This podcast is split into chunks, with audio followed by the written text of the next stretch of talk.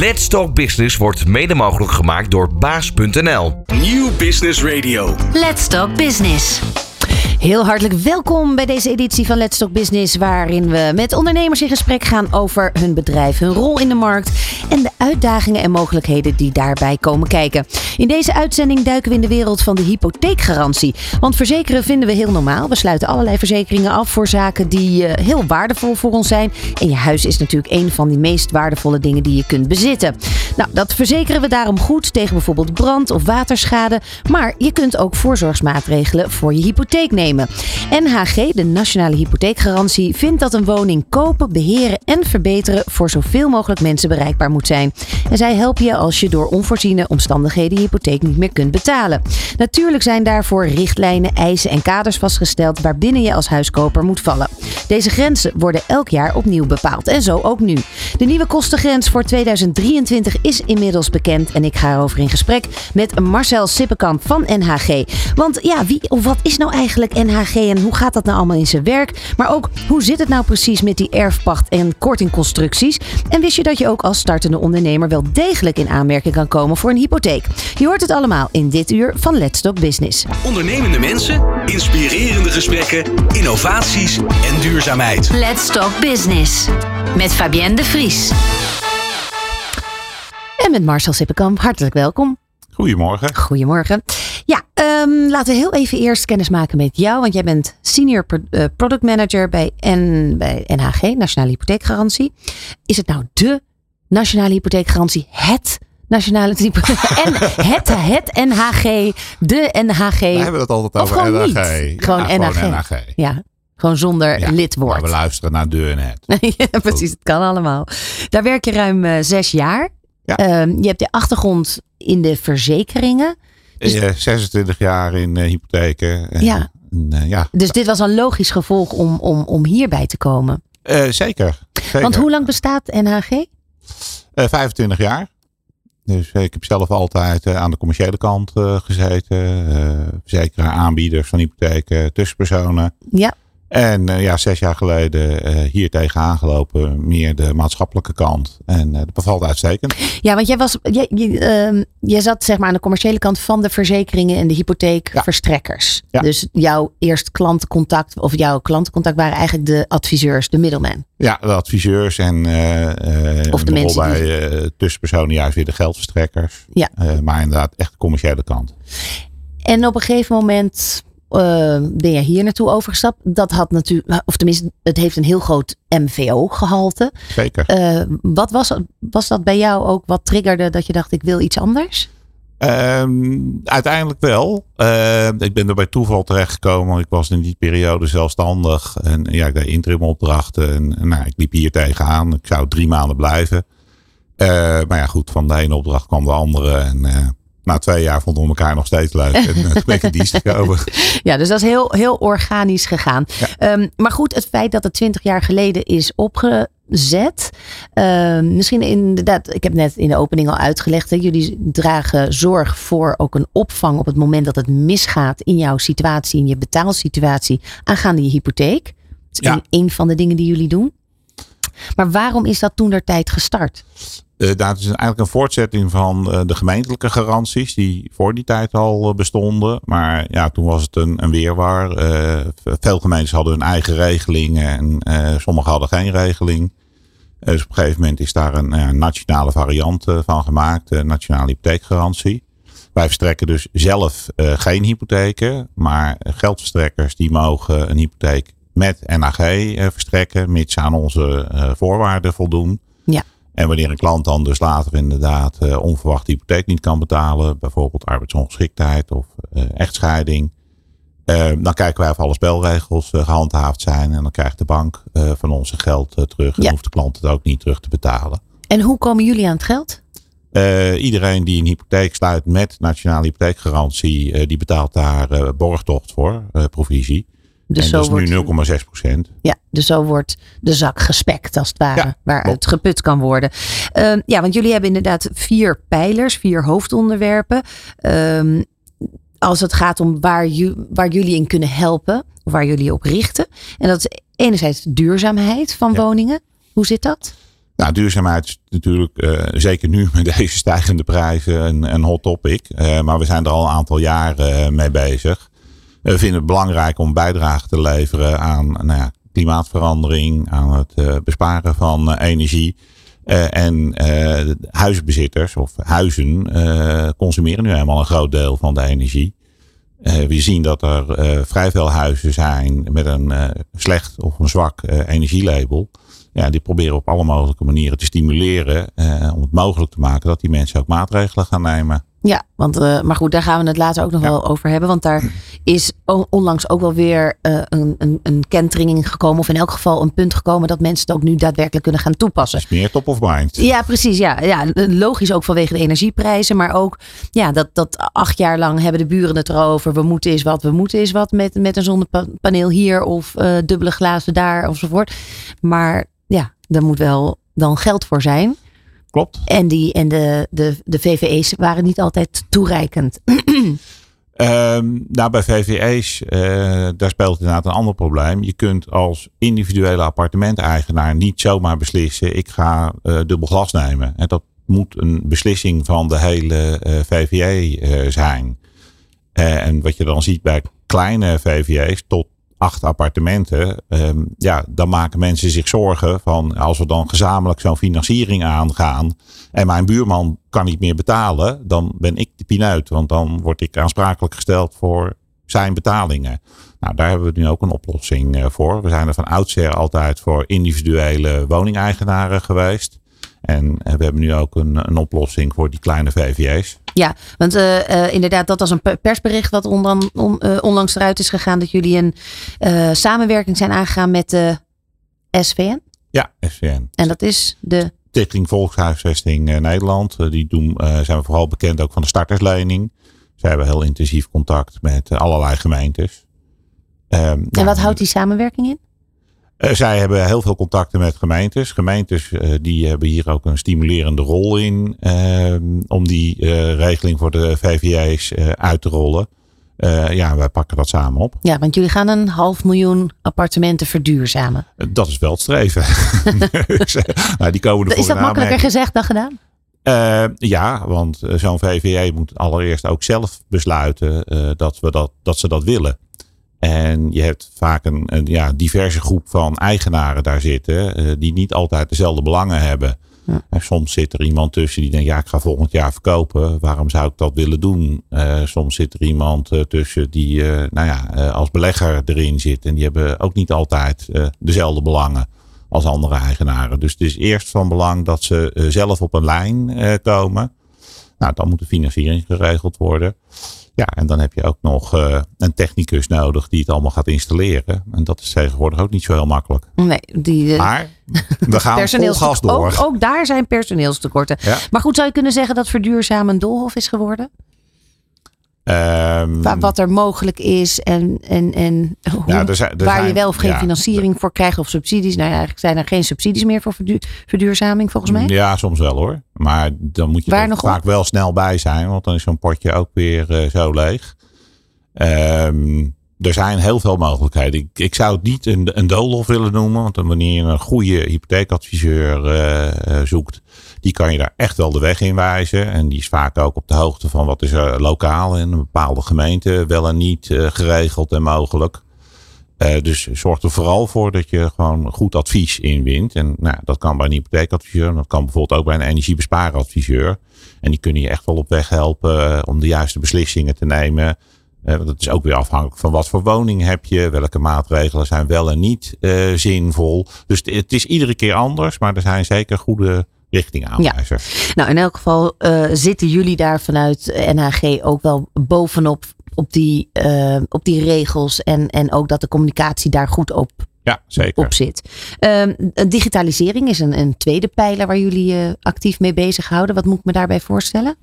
Nou, op het moment dat je een uh, hypotheek aanvraagt, dan uh, ja, heb je zomaar uh, tientallen documenten nodig die aangeleverd moeten worden om de aanvraag rond te krijgen. Nou, zeker als ondernemer, dan heb je er vaak nog veel meer nodig. En dat is een ja, kopzorg voor mensen. Hoe krijg ik die documenten bij elkaar? de werkgeversverklaring, dat is een berucht document. daar worden toch vaak foutjes in gemaakt. En dan moet die weer terug. Mhm. Dat vertraagt het proces. Dat zorgt er worden foutjes gemaakt in de werkgeversverklaring. Ja, een, uh, personeelszaken die vult dat dan in. En dat gebeurt dan niet exact volgens de regels. ja, en dan moet hij weer opnieuw. En bedoel je dat dan naar waarheid? Nee, niet naar waarheid. Oh. Dus ja, dat zal vast wel eens een keer uh, nee. Maar, maar nee, gewoon echt onbedoeld fouten. Hè, personeelszaken, die, ja, die kijken met een andere bril naar een salaris dan een hypotheekverstrekker. Dus daar zijn gewoon regels waar zo'n werkgeversverklaring aan moet voldoen. Ja, en soms. en als je dat nou niet weet, dan kan je dus bij jullie daar informatie over inwinnen. Mm, ja, de werkgeversverklaring zelf, dat zou ik niet direct uh, doen. Maar we zijn bezig met een proces uh, om dat te versimpelen. Uh, samen met de markt. dat heet inkomensbepaling loondienst. En daarmee kun je heel eenvoudig digitaal bij het UWV je inkomensgegevens ophalen. Mhm. die worden ingelezen en dan wordt automatisch berekend wat je inkomen is. Nou, dat is dan heb je eigenlijk die hele werkgeversverklaring niet nodig. Nee, die heb je dan niet meer nodig. En hoe werkt dat dan voor ondernemers? Uh, ondernemers die moeten allerlei andere stukken aanleveren. Jaarcijfers. Uh, jaarcijfers, belastingaangiftes, uh, omzetbelastingstukken onder andere. Dus dat proces dat zit echt wel anders in elkaar. Maar ja, veel van die stukken die zijn bijvoorbeeld ook afkomstig van de Belastingdienst. Dus daar zou je ook prima naartoe kunnen gaan dat die stukken gedigitaliseerd ja, ja, aangeleverd door de Belastingdienst aangeleverd zouden kunnen worden. Ja. Um, en, en dan woningbehoud en vangnet. Nou ja, ja, dat, is eigenlijk uh, waartoe wij op aarde zijn. Hè? Als het, het even tegen zit in het leven en je komt in de betalingsproblemen. Dan gaan wij kijken op wat voor manier kunnen we die woning dan toch behouden voor mensen. Nou, het kan bijvoorbeeld in een echtscheiding zijn dat een van de partners daar wil blijven wonen. Maar goed, dan gaat het inkomen weer achteruit. we proberen op alle mogelijke manieren te kijken, kunnen we die hypotheek op een dusdanige manier aanpassen dat woningbehoud toch mogelijk is. meestal lukt dat niet. Nee, dat in de praktijk. juist uh, heel vaak wel. dus, ja. door, door de hypotheekgarantie? Uh, door, die, door onze hypotheekgarantie, Want jullie kunnen hem dan, en jullie mogen hem ook oversluiten? Uh, nee, wij verstrekken zelf geen hypotheek. Maar wij kijken samen met de geldverstrekker en natuurlijk ook de consument en, en zijn adviseur van wat is er nog wel mogelijk. Kunnen we die hypotheek op een of andere manier goedkoper maken? Ja, want die hypotheek wordt in de eerste instantie misschien ook op twee inkomens afgezet of afgesteld. Ja, dat klopt. Ja. En, dan inderdaad in, bij zo'n echtscheiding ga je kijken wat is er mogelijk. Nou, een nieuwe inkomenssituatie, uh, wel geen alimentatie. Is er vermogen opgebouwd uh, wat je op een andere manier in zou kunnen zetten. Is er overwaarde? Uh, nou ja, is inderdaad overwaarde. Ehm, vroeger was het zo als er overwaarde was, dan speelden wij eigenlijk geen rol meer. Hm. Omdat er dan, als de woning verkocht zou worden, wordt die niet met verlies verkocht. En ehm, onze primaire rol was van, nou, als er dan een woning verkocht moet worden en er is verlies, dan vangen wij dat verlies op. Hè, als iedereen aan de spelregels voldoet. Maar we proberen nu ook meer en meer een rol te spelen als er, juist wel als er sprake is van overwaarde, maar dat er toch iets moet gaan gebeuren om die woning te kunnen behouden, zodat uh, die partner daarin kan blijven wonen. Ja. Nou, je, je gaf net al aan uh, hoe heet het, dat, dat er spelregels zijn. Hè? Of dat er regels zijn om toegelaten te worden tot de NAG in de eerste instantie. Maar ook in zo'n situatie dat je je baan kwijtraakt. Of, of dat, uh, dat er een scheiding uh, gaande is. Ehm, daar gaan we het zo over hebben. Wat zijn dan die uh, regels? Want die worden elk jaar opnieuw weer bepaald. Afhankelijk van de economie lijkt mij. Of de fluctuerende rente. Wet en regelgeving, economische ontwikkelingen, eh, onze eigen inzichten. Dus ja. er zijn allerlei uh, aanleidingen toe. We gaan het er zo verder over hebben. Blijf luisteren. Let's Talk Business op Nieuw Business Radio. Ja, een goed functionerende woningmarkt. Dat is het doel van, het, uh, van NHG. Um, ehm, steeds meer consumenten kiezen bij de aankoop van een woning ook voor een hypotheek met uh, hypotheekgarantie. Want waarom zouden ze het niet doen? Dus, hè, er wordt gezegd, ze kiezen ervoor. Stel dat ze sowieso wel binnen die grens vallen. We gaan zo over die grens hebben. Maar waarom zouden ze het niet doen? Nou, soms uh, willen mensen uh, een hypotheek die niet aan onze regels uh, voldoet. wat je de afgelopen jaren veel gezien hebt, dat starters toch een stukje aflosvrij namen. Dan heb je voor dat deel geen recht op hypotheekrenteaftrek. Maar ja, de rente stond op 1%. Dus dat verlies, dat was niet zo heel erg. En uh, wat ze bespaarden aan aflosverplichting, die was wegviel, was veel groter. Dus zo'n hypotheek werd er goedkoper van. Nou, dat staan wij uh, niet toe bij nieuwe hypotheken, uh, aflosvrij. ja, technisch verhaal, mensen die lang geleden een hypotheek gesloten hebben, zouden dat nog wel kunnen. maar gewoon de, de starter, wat toch onze belangrijkste doelgroep is, daar staan we dat niet toe. Nou, mensen kozen daar toen wel voor nu met de hoge hypotheekrente uh, is hypotheekrenteaftrek wel van belang. Dus dat zie je minder uh, worden. Uh, je ziet het ook in de tariefstelling van geldverstrekkers terug. op het moment dat het gewoon heel erg goed gaat met de huizenmarkt, dan worden de risico's lager ingeschat. En dan is de rente spread, dus het verschil tussen hypotheken met en zonder NG, wordt wat kleiner. Dus dan wordt ook het economisch voordeel kleiner. Je ziet dat mensen in opgaande markten denken van, nou ja, het huis wordt alleen maar meer waard. Waarom zou ik een verzekering nemen tegen onderwaarde? Mm -hmm. ja, en nu uh, ontstaat er een nieuwe realiteit. Dat zie je natuurlijk door de jaren heen altijd wel uh, in, in conjunctuurbewegingen. Uh, nu worden mensen weer wakker en denken, ja, het kan ook wel eens een keer verkeerd ja. aflopen. Ja, zeker als het dan een tijd omhoog is gegaan, denk ik, ja, het moet, het moet toch een keer misgaan. Als je het hebt over een gezonde woningmarkt, even los van dat er een woningtekort is. Uh, als het gaat om de financiering, heb, heb je het idee dat het nu gezond is? Uh, of een goed nou, functionerende dus de, woningmarkt is? De, uh, nou ja, dat, dat begint toch wel primair met het tekort. Maar er is nog steeds een tekort. En toch zie je dat woningen nu weer langer te koop staan. Mensen worden wel onzekerder. Uh, nou, nog maar heel kort geleden was het credo, uh, nou, eerst kopen en verkopen, dat komt wel. Mm -hmm. nou, nu draaien toch wel steeds meer mensen dat om, omdat ze toch onzeker worden. En ik denk dat dat toch uiteindelijk wel uh, de conclusie rechtvaardigt dat de, de, markt niet heel gezond is nee, nu. Nee. Mensen worden toch angstiger, ondanks dat er nog steeds een woningtekort is. Wanneer is een, een, een, een woningmarkt gezond? Hoe ziet dat eruit? Nou, ik denk ehm, als je kijkt naar verkooptijden, dat er gewoon voldoende aanbod is. Dat mensen uh, reëel uh, de tijd hebben om een woning te bezichtigen. Om daar nog eens een keertje naar uh, te kunnen kijken. Dus niet dat overspannen gedoe van nou, een jaar geleden. Dat er nou, twintig man op een huis ja. staan te bieden, over te bieden. Ik denk dat dat niet gezond is. het moet ook niet de andere kant op doorschieten dat een huis anderhalf jaar te koop staat. Nee. Nee. Ehm, dus ja, daar, daar moet een gezond evenwicht in komen. Ja, en, en als je kijkt naar de extreme ups en downs daarin. Hè, je hebt natuurlijk een, een periode waarin uh, de huizenmarkt daarin wat in een soort rustiger vaarwater gewoon fluctueert.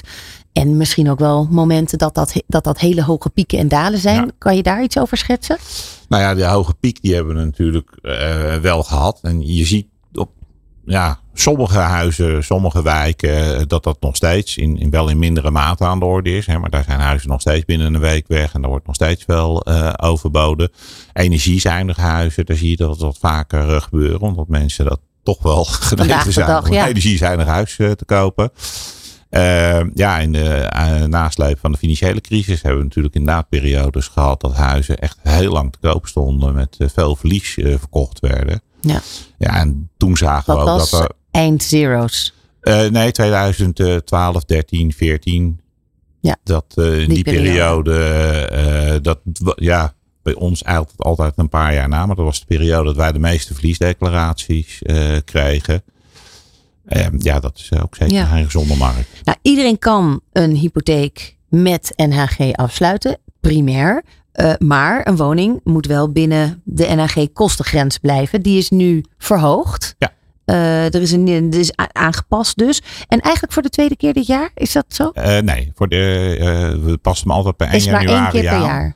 Dus tot een paar jaar geleden deden we dat de kostengrens in juli aanpassen. Hij is in de nasleep van de financiële crisis eenmalig sterk verhoogd. Nou, dat hebben we toen weer gecorrigeerd. Hm. maar dat is alweer een paar jaar achter ons. Dus per 1 januari publiceren wij de, ja, de nieuwe spelregels. dat heet bij ons de voorwaarden en normen.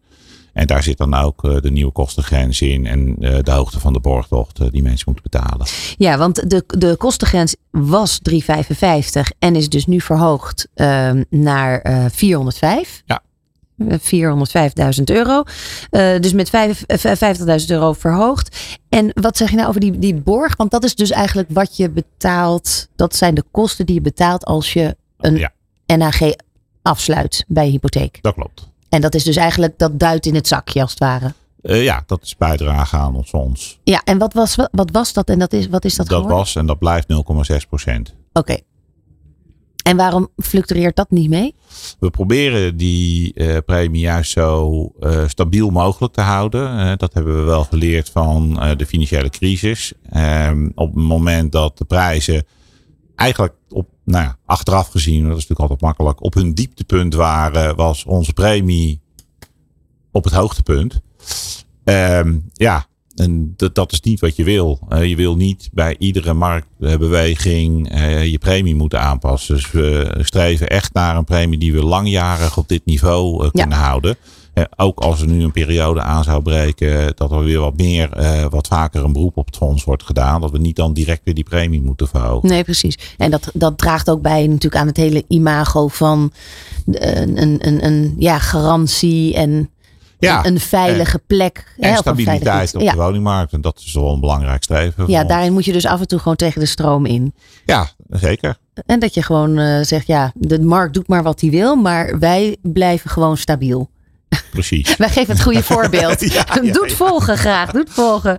Um, ja, daarnaast krijgen mensen die een hypotheek uh, uh, met NRG afsluiten ook dus die een rentekorting van de verstrekker. Waarom is dat? Uh, opdat een geldstrekker minder risico uh, loopt. Hè? Wanneer een consument uh, later zijn hypotheek niet meer kan betalen vanwege werkloosheid, echtscheiding, arbeidsongeschiktheid. ja, dan kan je dus in een situatie komen dat het huis gedwongen verkocht moet worden. Um, en op het moment dat dat gebeurt en het huis levert te weinig op, dan heeft de bank een, een hogere schuld. of tenminste, de consument heeft een hogere schuld aan de bank dan mm -hmm. dat het huis opbrengt. Ja, en zie dan je geld nog maar eens te krijgen. Als inderdaad iemand werkloos is, dan kan die bank uh, dat ook moeilijk op die klant verhalen. Uh, en daar zijn wij ervoor. Dus die bank die weet dat hij altijd zijn geld terugkrijgt. Mits er aan de spelregels wordt uh, voldaan. Ja. Nou goed, en die, die kennen ze. Die, die geldgrens of die kostengrens is niet het enige. Hè? Waar, waar moeten we nog meer ook als persoon of als ondernemer aan voldoen? Nou, we hebben allerlei uh, regels inderdaad. Uh, hoe het inkomen wordt vastgesteld. En welk inkomen je wel en welk inkomen je niet mag nemen. Want welk inkomen wel en welke niet? Nou, bijvoorbeeld bij uh, mensen in loondienst uh, zie je dat er allerlei componenten in zitten. Overwerk, uh, bonussen. nou, daar moeten bepaalde spelregels, er moet een zekere bestendigheid in zijn. Incidentele inkomsten, die kun je niet zomaar meenemen. Um, je hebt tegenwoordig ook steeds vaker van die cafetaria modellen. Uh, dat je allerlei uh, toeters en bellen krijgt van je werkgever. Maar die kun je bijvoorbeeld ook uit laten keren in vakantiedagen. Nou, als het dan niet in geld wordt uitgekeerd. Mag het dan wel dan meegerekend dan kan je, worden? Nee, dan kan je het weer niet meenemen. Nee, het precies. moet echt bestendig in geld uh, worden Het moet echt het, de harde pegels zijn ja. die je op je bankrekening gestort Want krijgt. daar betaal je uiteindelijk hypotheek van. Ja. En niet van een studiepotje of van vakantiedagen. En, hoe, uh, en, en, en met freelancers?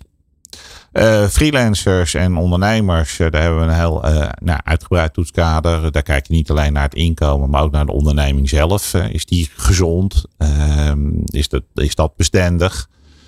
daar hebben we externe partijen voor die dat inkomen bepalen. Dan kun je heel eenvoudig, zonder dat je al heel ver en heel diep in het hypotheekproces moet zitten, kun je daar als ondernemer je, je ondernemersinkomen, je toetsinkomen laten bepalen. En dan weet je al heel snel of je wel of geen ja, kans maakt op, een, op die woning. Ja. Of het zin heeft om dat hypotheekproces verder in te gaan. Nou, want dat wou ik zeggen. De, de geldverstrekker doet eigenlijk al dat onderzoek of iemand capabel is om de hypotheek te kunnen be, uh, betalen. De, de grens van jullie of die, die toetsing en die toegang of de toelating, hoe je het noemen wil, verschilt die dan heel erg van die van de bank of van de geldverstrekker? Uh, nee, in basis niet. Want het begint met wettelijke normen waar iedereen aan uh, moet voldoen. Dus nou ja, ook onze eisen die vallen daar binnen. Ehm, wij toetsen zelf niet. Dat doet de geldverstrekker. Wij hebben een, een boek met spelregels, de voorwaarden en normen. En nou, daar zijn alle geldverstrekkers van op de hoogte. Op het moment dat iemand een hypotheekaanvraag doet, dan kan een adviseur dus zelf inderdaad al bekijken, valt hij binnen de spelregels van NAG. Dan zie je dat sommige geldverstrekkers, of vrij veel geldverstrekkers, die zeggen van nou, het maakt ons niet uit of je nu met of zonder NAG een huis koopt. De spelregels zijn hetzelfde. Uh, maar je ziet ook dat geldverstrekkers op sommige onderwerpen wat soepeler zijn. En op andere onderwerpen juist weer wat strenger. Noem en dat verschilt per geldverstrekker. Nou, bijvoorbeeld ondernemers. bij ons kun je al terecht na één jaar ondernemen. Uh, maar er zijn ook geldverstrekkers die zeggen van nee, je moet bij ons echt minimaal twee of drie jaar uh, ondernemer zijn, ondanks dat er NAG uh, op zit. Ja, dus dan krijg je een situatie dat je als startende ondernemer van jullie wel die garantie zouden krijgen, want je kunt al een jaar cijfers overleggen, maar dat de geldverstrekker alsnog zegt nee, want we willen er twee of drie jaar. Nou, die specifieke geldverstrekker. Hè. Er zijn in ja. Nederland rond de 40 geldverstrekkers waar je terecht kan. Um, ja, en het is logisch en ik denk uiteindelijk voor de consument ook maar goed ook dat ze niet alle 40 exact dezelfde regels hebben, want dan mm. is er wat te kiezen. En afhankelijk van het beleid en de risk appetite van zo'n geldverstrekker zijn ze strenger of soepeler, uh, duurder of goedkoper. En ja, dat is gewoon een keus die je hebt als consument. Uh, wel belangrijk dat je je daarin goed laat adviseren. Ja, en dus eigenlijk de enige, stel dat alle, alle lampen gaan op groen, dan zou de enige reden waarom ze het niet zouden doen, is dat ze die.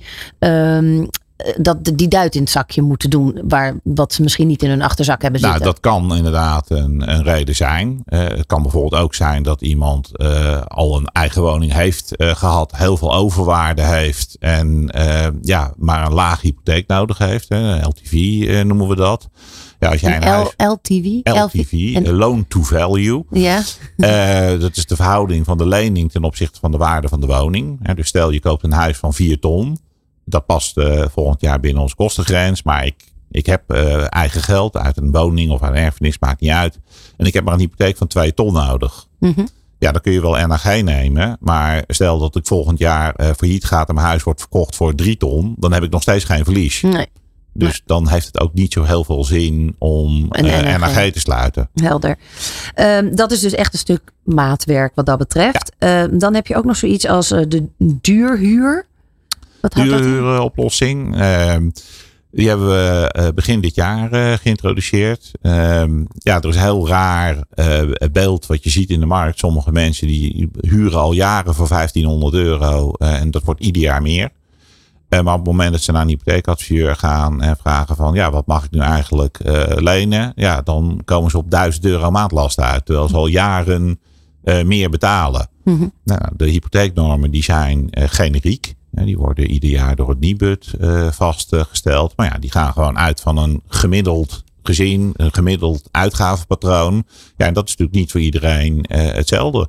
Dus er zijn genoeg mensen die uh, ja, gewoon aanmerkelijk uh, en langdurig zuiniger leven en zich hogere woonlasten kunnen veroorloven. Ja. Nou, binnen die duurhuuroplossing, uh, als mensen dat aan kunnen tonen, dat ze al jaren echt fors meer huur betalen dan dat ze eigenlijk een hypotheek zouden mogen, dan mogen ze een wat hogere hypotheek sluiten, waardoor er toch weer meer huizen in hun bereik komen.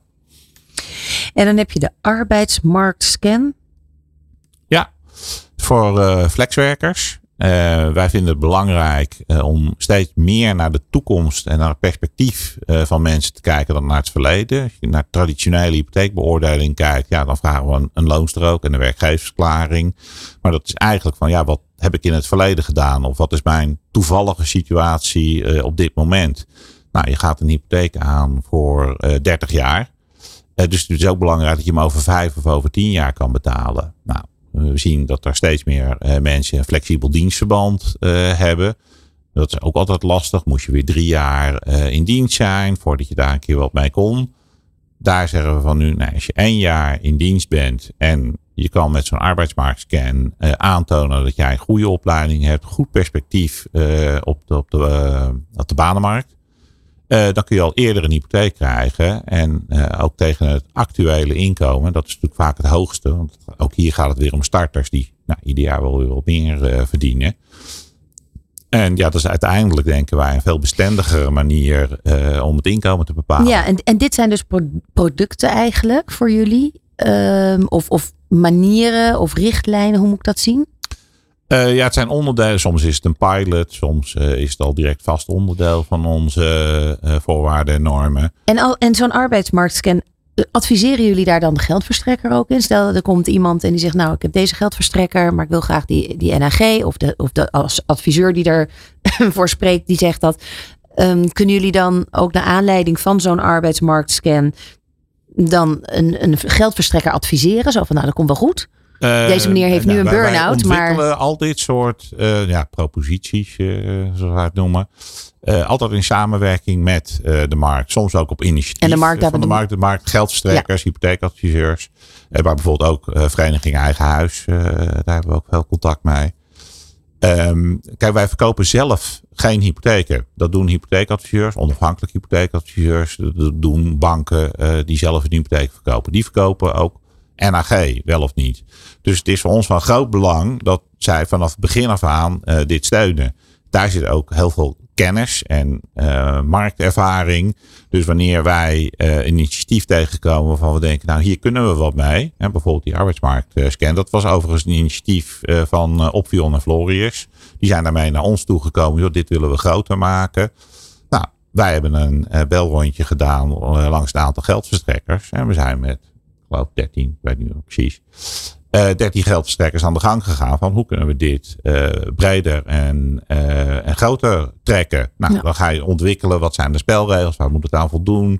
het bedrijf wat die arbeidsmarktscan maakt, dat is een extern bedrijf. Dus dat moet allemaal weer getoetst worden. Er moeten auditprocessen, er moeten riskmanagers naar kijken. nou, heel circus.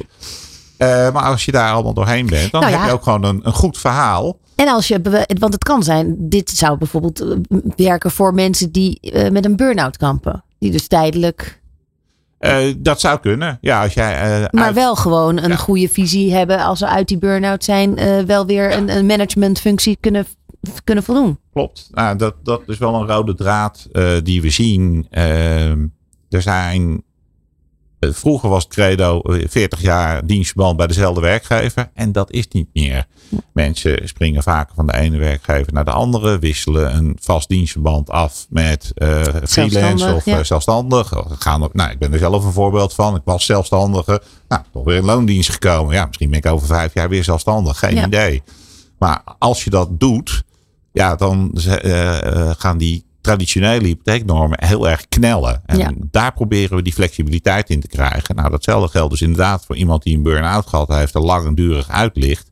Ja, volgens die traditionele normen moet je toch wel weer drie jaar aan het werk zijn als flexwerker of maar kijken dat je een vast dienstverband krijgt. Nou, ook niet makkelijk voor iemand met een burn-out. Nee, en, en, uh, en, nu kun je na een jaar met een goed perspectief kun je alweer, uh, alweer verder. Ja, ja, ja. want wat je inderdaad de laatste jaren vaak hoorde is van... oh, ik heb nu een vast dienstverband, dan moet ik nu snel een huis kopen. Maar als de markt dan net ongunstig is, dan, ja, dan ja, schiet je niet en veel wat we ook zagen is dat mensen een vast dienstverband hebben... dan al even het huis kopen. En als ze bij de notaris zitten, richten ze direct een eigen bedrijf op. Ja, kunnen we dat gelijk ook, kunnen we dat ook gelijk regelen? Ik heb nog een formulier wat moet worden. Ja, precies. We uh, een, een, ander onderdeel uh, waar jullie natuurlijk ook uh, veel mee te maken hebben en naar kijken is erfpacht. Er is nogal uh, wat discussie over, maar hoe zit dat nou allemaal precies met die erfpacht? Je hoort het zo. Let's Talk Business op Nieuw Business Radio. Ja, erfpacht en kortingconstructies rondom je hypotheek. Ik, het, bij mij komt er gelijk een ah, blur. Hoe zit het nou precies? En wat was het? Je weet dat er gedoe is. Je leest het in de kranten. Maar je, je, snapt er eigenlijk tegelijkertijd ook niks van. Tenminste, niet als het je dagelijkse kost is. Uh, misschien even uitleggen, wat is erfpacht? Gewoon simpel. Uh, bij erfpacht uh, koop je niet de hele woning, maar eigenlijk alleen de bakstenen. En uh, de grond die blijft uh, in eigendom van bijvoorbeeld de gemeente, maar het kan ook van uh, een projectontwikkelaar zijn. Um, en in plaats van dat je de grond koopt, huur je die als het ware en betaal je daar ieder jaar een vergoeding voor. Ja, dus je, die hypotheek is dan voor de stenen, ja. maar, maar de erfpacht is dus de, het huren van de grond waar je huis op staat. Uh, ja, ja de, de, de huur, dat heet dan weer met een duur woord de, de kanon. Uh, ja. Maar dat, uh, die betaal je daarvoor. En ja, dan kan je soms kun je later wel de grond terugkopen. Alleen als huurder of ook als koper? Of ik bedoel alleen als koper of, of, ja, betaal je, je ook aan als al hebt, dan kan je de grond er soms bij ja, kopen. Ehm, soms eh, moet je hem zelfs kopen in bepaalde situaties. En soms kan het niet. Dus Hm. eh, ja, daar eh, zijn er heel veel mogelijkheden in. Ja, want volgens mij zag je bij Eiburg dat het gewoon nieuwe kaveltjes waren. Dus dan koop je, neem ik aan, de, de grond er ook bij. Eh, als je de kavel koopt, dan is dat ook de grond, eh, inderdaad. Ja, ja. Dus, maar ja, de, dat is de en als huurder betaal je geen kanonkosten. Als je de grond, dan ben je gewoon volledig eigenaar. Dan is het jouw grond. En dan Ja. hoef je daar niet nog een keer wat voor te betalen. Alleen dan moet je die grond wel kopen. En daar heb je dus vaak meestal een hypotheek voor nodig. Ja. Ehm, en de, de truc zit hem erin dat de lasten die je betaalt voor de kanon, dat die lager zijn dan eh, je hypotheeklasten. Dus eh, daarom zie je dat veel partijen dat nu aanbieden. Om het voor bijvoorbeeld starters weer makkelijker eh, mogelijk te maken. Want heel even, als koper van een huis betaal je gewoon jaarlijks of maandelijks of jaarlijks kanonkosten. Ja. Als huurder geldt dat niet. Als je, als je gewoon een huis huurt, Als je bent gewoon een huis huurt, nee, dan zit dat in, ja, dan zit, oh, dan zit dat inbegrepen. Nee, precies. Dat zit in je huur eh, inbegrepen. Maar als huiskoper, dan heb je dus gewoon jaarlijks je kanonkosten. Ja. Of je erfpachtkosten. En, ehm, en die, die mogen of moeten gewoon eh, voor je eigen gevoel, maar die mogen dus ook niet hoger zijn dan je hypotheek? Eh, dat is in ieder geval een van de regels die wij gesteld hebben. Want ja, anders is er geen enkel voordeel. Het van- is er dus wel in, in, zou in de markt. Ja, het zou kunnen. Dat, die, Ja. dat dat hoger is. Ehm, en, en waarom hebben jullie dat als regel gesteld? Nou, wij zagen ongeveer anderhalf jaar geleden zijn we hiermee eh, begonnen. Dat er steeds meer eh, partijen zijn die een dergelijke constructie aan willen bieden. Zowel erfpacht als korting. Eh, nou, eh, in die periode, maar ook nu Wacht nog. even, je- wat, bedoel je met kor- korting? Bij eh, een kortingsconstructie eh, ben je wel volledig eigenaar van de woning. Stel, de woning kost 400.000 euro. Eh, maar de verkoper, dat is dan vaak een gemeente of een woningcorporatie, die zegt van nou, als jij aan de doelgroep voldoet, je bent een starter, je hebt een bepaald maximaal inkomen, dan mag je deze woning eh, met, met korting kopen. Dus je koopt hem, eh, je hoeft nu geen 4 ton te betalen, maar je betaalt maar 3 ton. En die ton, die moet je dan weer later terugbetalen als je de woning verkoopt. Mhm. Dus ook dan heb je weer een lagere hypotheek nodig. Maar je bent wel volledig eigenaar. En de grond blijft dan Je Oh, bent volledig eigenaar. van- dus van je hoeft grond daar en huis. Ja, je hoeft daar dus ook geen vergoeding voor te betalen. Die korting. Zijn al weer rekenregels en spelregels die per aanbieder verschillen. Maar dan moet je wel je huis met winst verkopen, want anders heb je een probleem. Eh, dat ligt eraan. Want je hebt dan die ton, als, je een, als, als het huis 4 ton kost en je koopt hem voor 3 ton en je zou hem dan weer verkopen, dan moet je dus ergens die ton vandaan halen. Nou, op het moment dat het huis weer exact voor 4 ton verkocht wordt, hè, dan, Dan is dat met, geen eh, probleem. gesloten beurs eh, doen. Ehm, ook daar zien we weer eh, grote verschillen in aanbieders. Hoe pakken ze dat nou aan? Hè? Want als die woning meer waard wordt, eh, wie pakt dan de winst eh, over die korting? Is dat degene die dat aanbiedt of is dat de consument? Maar als die woning minder waard wordt, wie pakt dan het verlies? Nou, ik voel hier dat de NAG heeft ooit al die gemeentelijke eigen regels gereguleerd met een nationaal pakket aan, aan richtlijnen. Dat dat hier ook voor nodig is. Eh, we hebben daar een heel uitgebreid toetskader voor ontwikkeld waar een eh, constructie aan moet voldoen. Mhm. Ehm, en dat eh, hebben we per 1 juli uitgerold. In het verleden waren er al iets van 17 eh, aanbieders die wij accepteren. Maar dat was op basis van de oude spelregels. Nou, we vonden het toch wel nodig om die te herzien. Dus 1 juli hebben we die laten weten van jongens, eh, 1 januari verandert het definitief. Ehm, als je eh, door ons geaccepteerd wil blijven worden, dan moet je soms je product aanpassen. En alle nieuwe eh, aanbieders, eh, die moeten hier dus nu gewoon al per direct aan voldoen. Veel van dus deze constructies waarbij iemand dan de woning koopt, maar niet de grond zijn, dat is dus heel complex. Ja. Ehm, en kunnen in bepaalde situaties zelfs nadelig uitpakken voor de woningeigenaar. Wanneer is dat? Nou, wat we bijvoorbeeld zagen, dit soort eh, constructies worden heel vaak aangeboden om doelgroepen te helpen. Hè. Een die denkt van ja, maar starters, de verpleger, de politieagent, de leraar, die kan geen huis meer kopen en die wil ik wel hè, in mijn gemeente eh, kunnen laten wonen. Dus we gaan zoiets eh, aanbieden. Maar er zijn hebben bijvoorbeeld uh, scheefhuur. dat is een bekend probleem. Mensen hebben ooit een keer een goedkope woning gekregen. Zijn veel meer gaan verdienen. En blijven toch in die hele goedkope woning zitten. Nou, dat soort problematiek willen die gemeentes voorkomen. Dus op het moment dat iemand echt een grote carrière-sprong maakt. En veel meer gaat verdienen. Dan denk je, nou dan gaan we die kanon, die, die huur voor de grond, die gaan we dan verhogen. Dan gaan mensen vanzelf wel weg. Hm. Alleen zij kijken er met een hele andere bril uh, naar. Dus op het moment dat mensen net even met een paar honderd euro een grens overgaan, dan kan die kanon fors omhoog gaan, zagen we in uh, sommige gevallen. Terwijl ja, met een paar honderd euro salaris erbij kun jij niet ineens de volgende woning kopen. En dus we, uh, we zagen dat die mensen eigenlijk vast kwamen te zitten. Die zouden een, een veel te hoge kanon moeten gaan betalen. Eigenlijk meer dan ze kwijt zouden zijn als ze die grond gewoon hadden kunnen kopen. Mm Terwijl ze dat helemaal niet kunnen. Dat is precies de reden waarom ze die uh, erfpacht of die kortingwoning uh, kopen. En dan toch worden ze geconfronteerd met zo'n hele hoge kanonverplichting. Nou, dat vonden we niet gezond. Dat willen we niet. We zagen ook situaties waarbij als een woning meer waard wordt, dat de winst in de zak ging van de aanbieder van die constructie. En als de woning minder waard werd, dat het verlies wordt afgewenteld op de consument. Nou, dat vonden we ook niet zo'n goed idee. uh, dus het, het, mag best dat een consument uh, het verlies uh, moet dragen. Want als je de woning volledig koopt en de woning wordt minder waard, ja, dan is het verlies ook voor jou. Ik bedoel, ja. dat is het risico van een eigen woning. Mm -hmm. Maar als je het verlies krijgt, dan moet je ook de winst krijgen ja. als consument. Ja, ja. Um, nou is er heel veel discussie over die erfpacht. Waar gaat die discussie over? Uh, vaak over uh, de kanon. Uh, hoe ontwikkelt die zich? Hoe transparant is dat? En gebeurt dat nou geleidelijk?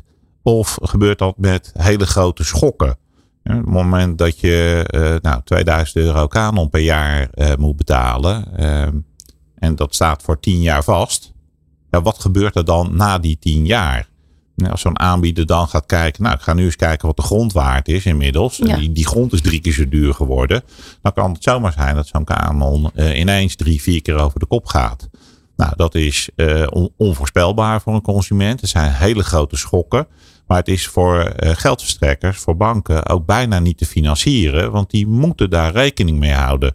En die moeten bij het verstrekken van de hypotheek weten zij, oh ja, jij koopt alleen maar de bakstenen, je koopt niet de grond, dus je gaat de financiële verplichting aan, je moet die kanon betalen.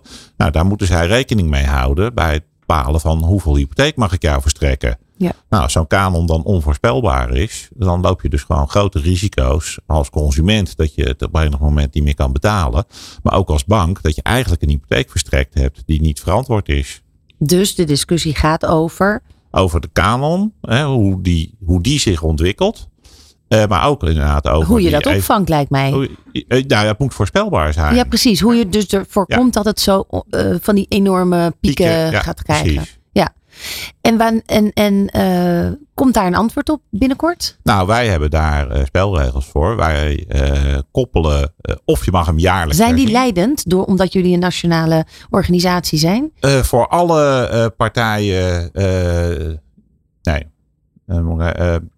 het is op dit moment leidend voor specifieke erfpacht en kortingsproducten. En de, met specifiek bedoel ik producten die gericht zijn op bepaalde doelgroepen. Dus starters mm -hmm. meestal.